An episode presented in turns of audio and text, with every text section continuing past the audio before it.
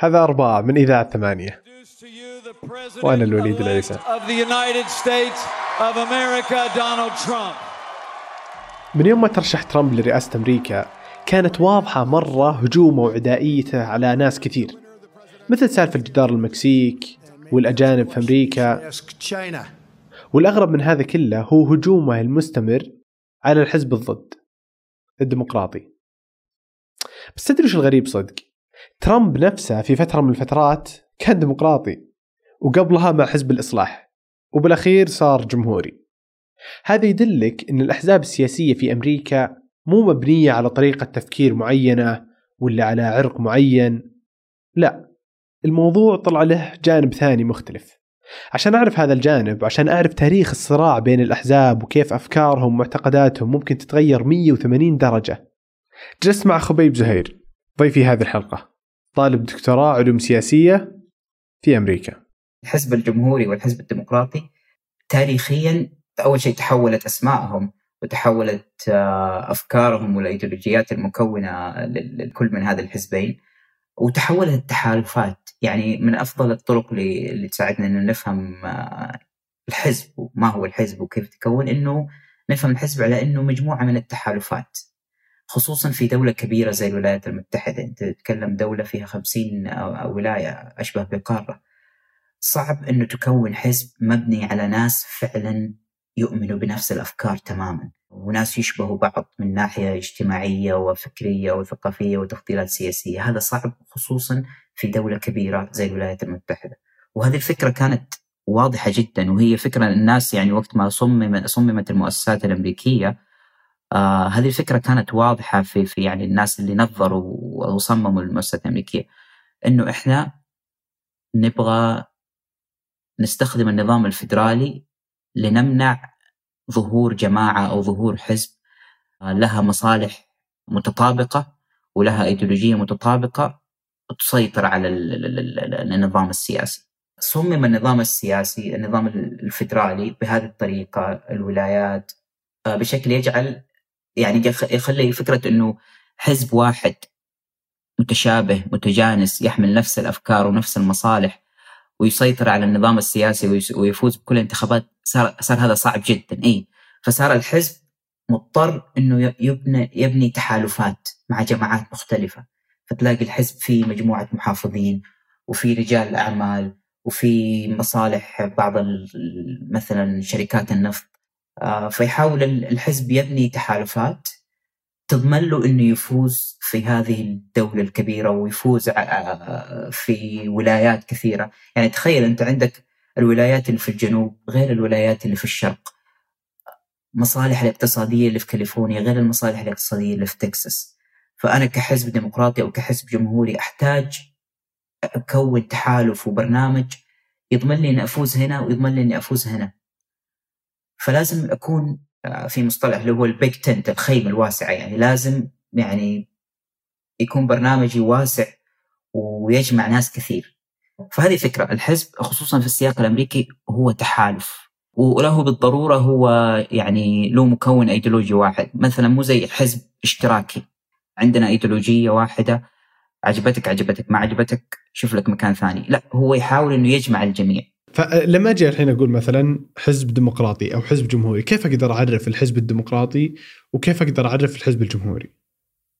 وليش أصلا في ناس يعني مثل ترامب جته فترة كان مع الحزب الديمقراطي بعدين فترة مع حزب العمال بعدين فترة بالنهاية صار مع الحزب الجمهوري. الديمقراطي والجمهوري في السياق الأمريكي هي بشكل كبير هي هي brand يعني هي على أشبه بالعلامة التجارية.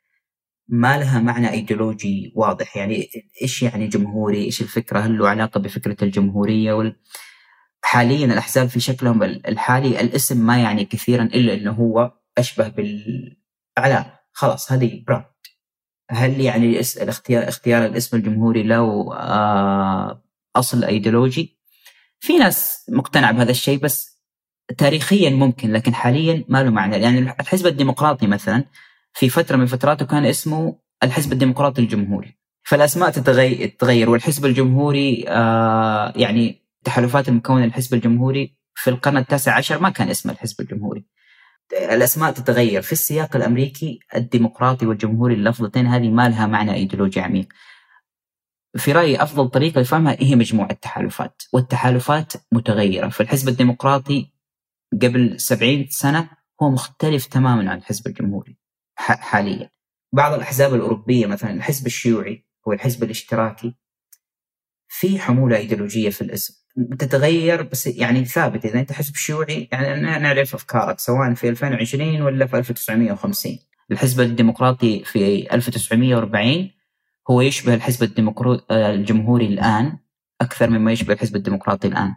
شلون؟ تحالفات. الناس الجماعات والتحالفات المكونة للحزب تتغير. ففي ناس كانوا قبل 50 أو 60 سنة جزء أساسي من الحزب الديمقراطي الآن هم جزء أساسي من الحزب الجمهوري.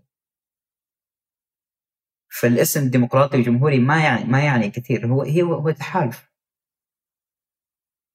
الحزب الجمهوري كان آه، في في في القرن التاسع عشر وفي اوائل القرن العشرين كان مرتبط بلينكولن الرئيس آه، لينكولن اللي هو في يعني الذاكرة التاريخية الأمريكية هو الرئيس اللي آه، قاد الحرب الأهلية لتحرير لإنهاء العبودية. الآن الحزب الجمهوري في مخيلة البعض هو مرتبط ببعض السياسات العنصرية وب يعني معارضته لبعض السياسات تحاول مثلا تحسين أوضاع الأقليات. فكل هذه طرق فهمنا للأحزاب الحالية مبنية على تغيرات تاريخية. ما في مكون أيديولوجي ثابت لكل حزب. بس الآن مثلا مو إنه بالضرورة الحزب الديمقراطي اليوم هو متفتح وليبرالي ويحاول تعزيز الأقليات تلقاه مع السود مع المثليين أكثر من الحزب الجمهوري اللي هو متحفظ وتظن إنه مثلا أبيض وما يبغى الناس اللي غيره. فتلقى ما يعني ممكن الآن بحكم إن أمريكا كبرت فعادي يدعم الأقليات بس مو مثل الحزب الديمقراطي. اللي هو كذا متفتح مرة ليبرالي مدري إيش. صحيح. يعني طبعا الحزب في أي فترة زمنية له برنامج. نقدر نقول له إيديولوجية معينة له آه، يعني خيارات سياسية وتفضيلات سياسية. كلامك صحيح تماما عن الحزب الديمقراطي. لكن السؤال متى أصبح الحزب الديمقراطي بهذه الطريقة؟ هذا هذا تحول حديث. يعني الديمقراطيين آه، في الخمسينات كان جزء كبير منهم يحاول الحفاظ على الفصل العنصري ويحاول الحفاظ على التمييز العنصري ضد ضد آه، ضد السود خصوصا في الولايات الجنوب. كان هذا جزء أساسي من الحزب الديمقراطي. آه، أعضاء الحزب الديمقراطي في الولايات الجنوبية كانوا معارضين تماما لل آه، يعني عنصرية واضحة وفجة ومعارضين تماما لأي تشريعات الحقوق المدنية اللي تحاول تمنع تزيل العوائق عن مثلا حق المواطنين السود في التصويت. أو الفصل في المدارس وفي المواصلات وكل سياسات الفصل العنصري هذه كان أقوى من يدافع عنها أعضاء الحزب الديمقراطي في الولايات الجنوبية. فهذه الفكرة إنه الحزب الديمقراطي تغير تغير بسبب تغير التحالفات فالايديولوجيه آه، المهيمنة في حزب في حزب في الحزب الديمقراطي أو الحزب الجمهوري ما هي مبنية على التحالفات اللي تكون كل حزب فتتغير الإيديولوجية بتغير التحالفات. فالآن شفنا إنه الحزب الديمقراطي صار مناصر للأقليات ولقضايا المثليين ولقضايا بسبب إنه الجماعات والكتل التصويتية اللي تصوت الحزب الديمقراطي تغيرت. فعشان كذا الإيديولوجية والبرامج والخيارات السياسيه للحزب للحزب تغيرت. الحزب الجمهوري نفس الشيء. تشريعات الحقوق المدنية في الخمسينات والستينات اللي أنهت إلى حد كبير التمييز العنصري في الجنوب. كان يدعمها الجمهوريين بشكل كبير. أغلب النواب الجمهوريين صوتوا مع هذه التشريعات. بالمقابل الديمقراطيين النواب الديمقراطيين في الجنوب صوتوا ضدها. وكيف أثرت حركة الحقوق هذه عليهم على الحزبين؟ غيرت غيرت الحزبين بشكل كبير. غيرت التحالفات المكونة للحزبين. طبعا هي تحالفات كثير آه، يعني تغيرات كثير لكن أبرزها واللي له علاقة بالاستقطاب هم الديمقراطيين الجنوبيين اللي هم آه، بيض وكانوا معارضين لحركة الحقوق المدنية ولتشريعات تشريعات الحقوق المدنية اللي كانت تسعى لإزالة العوائق القانونية متعلقة مثلا بتصويت السود والسجريجيشن أو الفصل العنصري. هذه كتلة أساسية في الحزب الديمقراطي اللي هم ديمقراطيين الجنوب. حاولوا يعارضوا هذا هذه التشريعات لكنهم فشلوا. في 64 و65 أقرت هذه التشريعات. الحزب الديمقراطي خسر خسر هذه هذه الكتلة خسر الديمقراطيين الجنوب. وخرجوا من الحزب. خرجوا من الحزب وخلال يعني في من من الستينات من مرحلة إقرار التشريعات الحقوق المدنية إلى السبعينات في هذه الفترة الحزب الديمقراطي واللي كان تاريخيا مسيطر على الجنوب. كان الولايات الجنوبية الأمريكية هي ولايات ديمقراطيه لدرجة أن الجمهوريين ما يتعب نفسهم وينافسوا فيها. خلاص معروف أن الحزب الديمقراطي مسيطر على الجنوب. هذه السيطرة انتهت لأنه النخب والكتل التصويتية اللي كانت تصوت للحزب الديمقراطي تركت الحزب الديمقراطي بسبب أن الحزب الحزب مرر ودعم تشريعات الحقوق المدنية. هذه الكتلة وهي خليط من نخب ومصالح اقتصادية ومواطنين يعني آه، ناخبين مصوتين يعني أصوات انتخابية. هذه الكتلة خرجت من الحزب الديمقراطي وخسر الحزب الديمقراطي الولايات الجنوبية. والحزب الجمهوري بدايته في السبعينات ومع خصوصا في في في عهد نيكسون أدركوا أنه هذه كتلة تصويتية مهمة. لو إحنا كسبناها للحزب الجمهوري ممكن تسمح لنا أن نسيطر على الولايات الجنوبية. بتصير الولايات الجنوبية ولايات جمهورية. وفعلا في يعني عن طريق استراتيجية يعني معروفة يسموها الاستراتيجية الجنوبية ساذرن استراتيجي بدأ الحزب الجمهوري يروج نفسه كحزب محافظ كحزب يعني قريب للتفضيلات آه تفضيلات هذه الكتلة اللي هم الديمقراطيين الجنوبيين اللي خرجوا من الحزب الديمقراطي.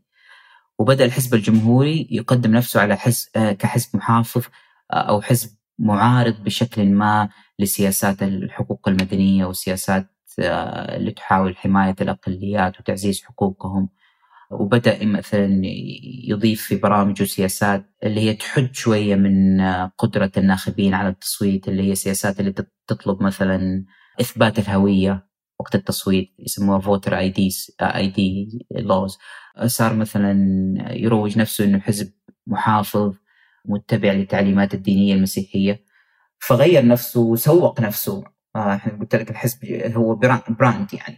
فأنت عندك سوق معين عندك رغبات للمستهلكين فأنت تقدم نفسك يعني زي ما يطلبه الناخبون. فحركة الحقوق المدنية دفعت هذه الكتلة اللي هم الديمقراطيين الجنوبيين والمصالح السياسية المرتبطة بالهيمنة السياسية والاقتصادية للبيض في الجنوب. هذه الكتلة اللي كان كان الحزب الديمقراطي خرجت وراح للحزب الجمهوري وكان خروجها هذا سبب في تحويل يعني وجه الحزبين الاثنين. لما خسر هذه خسر هذه الكتلة صار أكثر تماهيا صار البقية هم فعلا أكثر ليبرالية. والجمهوري لما كسب هذه الكتلة صار أكثر محافظة يعني وأقل تنوعا وصار فعلا أكثر ميلا لهذه التوجهات المحافظة اللي يعني ما هي مرة متعاطفة مع الأقليات وسياسات حماية الأقليات. وطبعا غير يعني السياسات الثانية اللي هي لها علاقة بدور الدولة في أو دور الدين في في في السياسة أو علاقات أو قضايا مثلا المثليين وقضايا متعلقة بالمرأة وحقوق المرأة والمساواة في الدخل ويعني كثير هذه القضايا الحزب الجمهوري قدم نفسه إنه هو محافظ في هذه القضايا. لكي يكسب يعني هذه هذه القواعد الناخبين.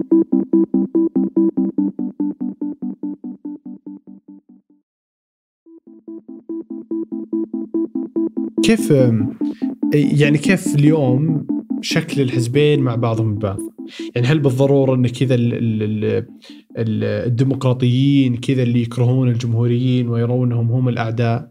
ونفس الشيء الجمهوري يشوف الديمقراطي كذا ولا إنهم هم مجرد حزبين يتعاونون مع بعض عشان ينهضون في هذه الدولة يعني؟ إي سؤال ممتاز. طبعا يعني كثير من الباحثين في في في موضوع الاستقطاب موضوع الحساب الأمريكية يفرقوا يعني في تفريق أساسي. أنت لما تقول استقطاب تقصد إنهم كيف إن كل واحد في جهة؟ أيوه اللي هو اللي هي هذه الظاهرة اللي نتكلم عنها إنه كان الحزبين أقرب لبعض ايديولوجيا يعني إذا تخيلنا نقطة في الوسط فكان الحزبين هم بشكل ما قريبين من نقطه الوسط هذه نقطة الالتقاء. الاستقطاب يعني هو مصطلح نستخدمه لوصف ظاهرة إنه الحزبين هذول بدأوا يبتعدوا يمينا أو يسارا عن نقطة نقطة الوسط نسميها الوسطية أو الاعتدال. فصاروا يعني ابتعدوا عن بعض ايديولوجيا ومن ناحية تفضيلاتهم السياسية فصار الحزب الديمقراطي يميل أكثر لليسار. واللي والجمهوري يميل أكثر لليمين طبعا اليسار واليمين هذه مصطلحات يعني يتغير معناها بتغير السياق. اليسار واليمين في فرنسا مختلف تماما عن اليسار واليمين في أمريكا. لكن بما إننا في أمريكا الآن هذا هذا ما أقصده بالاستقطاب. التفريق المهم اللي آه، يعني يساعدنا في فهم الاستقطاب وفهم السياسة الأمريكية بشكل عام هو التفريق بين النخب السياسية وبين المواطنين الامريكا الأمريكيين. بس تو على إنك يوم قلت اليمين واليسار في في السياق الأمريكي وش نقصد فيها؟ آه، في السياق الأمريكي اليمين واليسار آه، يعني اليمين واليسار يستخدموها يعني اليسار أحيانا يطلقوا عليه يعني يقول لك اليسار أصبح أكثر ليبرالية أو أكثر يسارية. في السياق الأمريكي تستخدم لوصف وانه إذا صرت إذا ملت لليسار أكثر فأنت صرت أكثر ليبرالية وإذا ملت لليمين أكثر فأنت صرت أكثر محافظة وهذا يعني هو ما هو دقيق لأنه في سياقات ثانية اليسار هو مو نفس الليبرالية. اليسار لا شيء مختلف عن الليبرالية هو شيء أقرب للاشتراكية والشيوعية. لكن في السياق الأمريكي يستخدم اليسار انك صرت أكثر ليبرالية تدعم مثلا قضايا المرأة وقضايا المثليين وقضايا العدالة الاجتماعية وقضايا الأقليات. في السياق الأمريكي هذا هذا الوصف يستخدم لوصف اليسار أو وصف الليبراليه بشكل عام. طبعا في بعد ثاني مهم اللي هو البعد الاقتصادي. هل أنت مع تدخل كبير للدولة في الاقتصاد وهل أنت مع سياسات الرفاه الاجتماعي وسياسات إعادة توزيع الدخل؟ فاليمين آه الأمريكي يقول مفترض تدخل واليسار يقول لا صح؟ لا اليسار يميل لدعم هذه السياسات يميل لدور أكبر للحكومة في الاقتصاد دور أكبر للحكومة في آه، آه، قضايا الفقر وقضايا العدالة الاجتماعية. واليمين يؤمن أكثر بالسوق بالسوق الحر وغيره. السوق الحر وبالحكومة أنه يكون دورها محدود. وفي السياق الأمريكي كمان يؤمن أن الحكومة الفيدرالية تحديدا يكون دورها محدود وأن الولايات وحكومات الولايات يكون لها دور أكبر في في الحكم وفي التشريعات. طيب وكنت تتكلم عن قبل هذه السالفة عن الاستقطاب والنقطة اللي في النص. أي في موضوع الاستقطاب وفي قضايا كثير مهم جدا أظن إنه نفرق بين النخبة السياسية الأمريكية، الطبقة السياسية الأمريكية فإحنا نتكلم عن السياسيين نتكلم على جماعات المصالح وجماعات الضغط ونتكلم على النشطاء الناس اللي تستثمر وقت وجهد ومال في السياسة سواء عن طريق التصويت أو عن طريق حشد الناس لدعم مرشح معين أو عن طريق التصويت في الانتخابات اللي يسموها التمهيدية البرايمريز الناس يعني اللي مستثمرة وقتها ومهتمة بالسياسة ومستعد يبذل جزء من وقته وجهده يتطوع في حملة انتخابية أو يتبرع لمرشح أو حزب. وطبعا الطبقة السياسية اللي هي سواء مسؤولين منتخبين هذه طبقة مختلفة عن بقية المواطنين الأمريكيين. يعني انت تتكلم عدد الولايات المتحدة أكثر من 300 مليون مواطن لكن عدد الناس اللي يحق لهم التصويت تقريبا 250 مليون. العدد اللي يصوت فعليا منهم تقريبا 50% أظن في آخر الانتخابات كان 54% المهم هنا إنه إنك تعرف إنه 50% من الناخبين الأمريكيين الناس اللي يحق لهم التصويت هم ما يصوتوا هم فعلا ما هم مهتمين بالسياسة. هذول الناس إحنا ما نعرف عنهم معلومات كثير. يعني إحنا لما نتكلم عن الاستقطاب ولا الحزبية في السياسة الأمريكية إحنا ترى قاعدين نشوف النخبة السياسية الأمريكية وجزء من المواطنين اللي هم يصوتوا مهتمين وعندنا معلومات عنهم. يعني كثير من المعلومات وال الاستطلاعات هذه نعرفها من نشوف كيف الناس صوتت. فإحنا في جزء كبير من الشعب الأمريكي ما ما هو إحنا ما, ما نعرف يعني هو تفضيلاته السياسيه بدرجه كبيرة انه هم مو مهتمين هو ما يصوت حتى ما يصوت في الانتخابات الرئاسية فضلا عن انتخابات الولايات أو انتخابات الكونغرس هو ما يصوت في الانتخابات الرئاسية.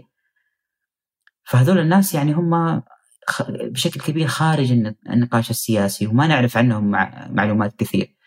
فلما نتكلم عن الاستقطاب أو العداء السياسي أو الأيديولوجيات في في, في الولايات المتحدة إحنا بنتكلم على جزء محدود من من من الشعب الأمريكي. وفي جزء كبير أكثر من 100 مليون شخص أمريكي إحنا فعلا ما ندري هل هم مستقطبين هل هم مستقطبين. هو غالبا هو ما همه هو عايش حياته بغض النظر إيش يصير في السياسة الأمريكية. فبس هذا هذا يعني هذه التفرقة مهمة. فإحنا بنتكلم عن استقطاب إحنا بنتكلم عن النخبة السياسية والناخبين اللي هم تقريبا نصف نص أقل من نصف الشعب الأمريكي. وفي خلاف بين الباحثين في ناس يعتقد إنه الاستقطاب هو ظاهرة متعلقة بالنخبة هي النخبة المستق... المستقطبة. الصراع الحزبي هذا هو صراع داخل النخبة داخل النخبة الحزب الديمقراطي السياسيين وجماعات الضغط والنشطاء الحزبيين وبين النخبة المقابلة في الحزب الجمهوري. والناخبين في خلاف في ناس يقول لك هم فعلا مستقطبين في ناس يقول لهم لا هم زي ما هم تفضيلاتهم الايديولوجيه ما تغيرت ما صاروا أكثر يسارية وأكثر يمينية وأكثر ليبرالية وأكثر محافظة هو زي هم زي ما هم ما تغيروا. لكن الشيء الواضح إنه خلال يعني العقود الثلاثة والأربعة الأخيرة وتحديدا من من الستينات وهذا يعني هذا فكرة الربط بحركة الحقوق المدنية والتحول اللي أنتجته في الحزبين من الستينات بدأ تفضيلات الأيديولوجية لأعضاء الحزب الديمقراطي تفضيلات أعضاء الحزب الجمهوري في التباعد فصار في فرق كبير في تفضيلاتهم السياسية والأيديولوجية بناء على طريقة تصويتهم فصار صار في تباعد وهذا اللي هذا اللي نسميه بالاستقطاب. هل صار تباعد بين ال... هل تغيروا الناخبين؟ هل أصبحوا أكثر يسارية؟ في نقاش كثير و... ومو واضح صراحة. يعني كثير من العلماء آه، يعني السياسة يقولوا الناخبين الأمريكيين هم إلى حد كبير ما تغيروا ما صاروا أكثر استقطابا أو أكثر تطرفا لليمين أو تطرفا لليسار. لكن في شيء واضح صار بين الناخبين. اللي هو؟ اللي هو آه الحزبية السلبية. يسموها negative partisanship صار صار يكرهوا بعضهم. آه صار مثلا الشخص اللي يعتبر نفسه ديمقراطي أو يعتبر نفسه حتى مستقل. كثير من المواطنين أو الناخبين الأمريكيين لما تسألهم أنت إيش آه حزبك يقول لك أنا مستقل. أنا ما عندي انتماء حزبي. أنا أفكر في كل الانتخابات وأصوت بناء على المرشح بناء على قناعاتي يعني. كثير من الأمريكيين آه، يعتبروا نفسهم مستقلين. وفي ناس يقول لك أنا ما أعتبر نفسي يعني ديمقراطي لكن أنا غالبا أميل للحزب الديمقراطي أو غالبا أميل للحزب الجمهوري. اللي صار إنه الجمهوريين الناس الناخبين اللي يعرفوا نفسهم كجمهوريين والناخبين اللي يعرفوا نفسهم كديمقراطيين وحتى اللي يعرفوا نفسهم كمستقلين سألوه في دراسة سألوهم أنهم يقيموا مشاعرهم تجاه الأحزاب المختلفة يعني هل لك مشاعر سلبية؟ كيف تقيم الحزب الثاني؟ كيف تقيم الحزب الجمهوري؟ قياس واحد لعشرة. عشرة أكره جدا هذا الحزب. واحد أحب جدا هذا الحزب. فسألوا ناس مختلفين ديمقراطيين وجمهوريين ومستقلين. وبعدين قارنوا إجابتهم لسؤال مشاعرهم تجاه الأحزاب المختلفة بطريقة تصويتهم في الانتخابات السابقة، فوجدوا إنه حتى المستقلين اللي يعرفوا نفسهم يعني إنه ما ما يعني ما يعرفوا نفسهم كأعضاء لهذا الحزب أو ذاك الحزب. يعني مثلا آه، وجدوا إنه شخص يعرف نفسه كمستقل ومشاعره للحزب الديمقراطي يعني محايدة إلى حد ما. لكن عنده مشاعر كراهية عالية للحزب الجمهوري. وبسبب كراهيته للحزب الجمهوري يصوت للديمقراطيين.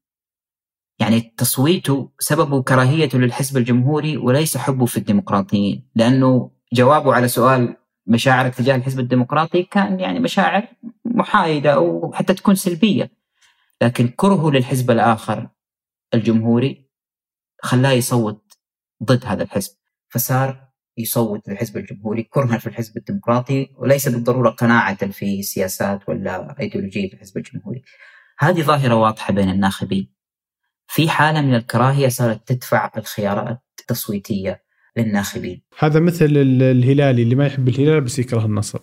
بالضبط الصراحه المثال مثال التشجيع وكرة القدم هو فعلا يساعدنا كثير في الفهم لأنه أصبحت يعني للبعض بعض الناخبين تصوت لهذا الحزب أو لهذا الحزب ما هو مبني على قناعتك إنه والله الفريق يعني عارف مثلا واحد يشجع النصر ويشجع الهلال أو الأهلي والاتحاد هو يشجع هذا الفريق سواء الفريق فاز أو انتصر ولا لعب كويس ولا ما لعب كويس ولا عنده محترفين جيدين أو ما عنده محترفين جيدين أداء الفريق شيء ودعمك للفريق شيء ثاني. فهذا التفريق بين الأيديولوجيا سواء يعني مثلا الناخب اللي يكره الحزب الديمقراطي ما هو بالضرورة أن كرهه هذا مبني على فهم لسياسات الحزب الديمقراطي وموقف الحزب الديمقراطي من الضرائب ولا من السياسة الخارجية أو السياسات الاقتصادية. لا هو يكره الحزب الديمقراطي زي ما بعض مشجع المشجعين النصر يكرهوا مش الهلال.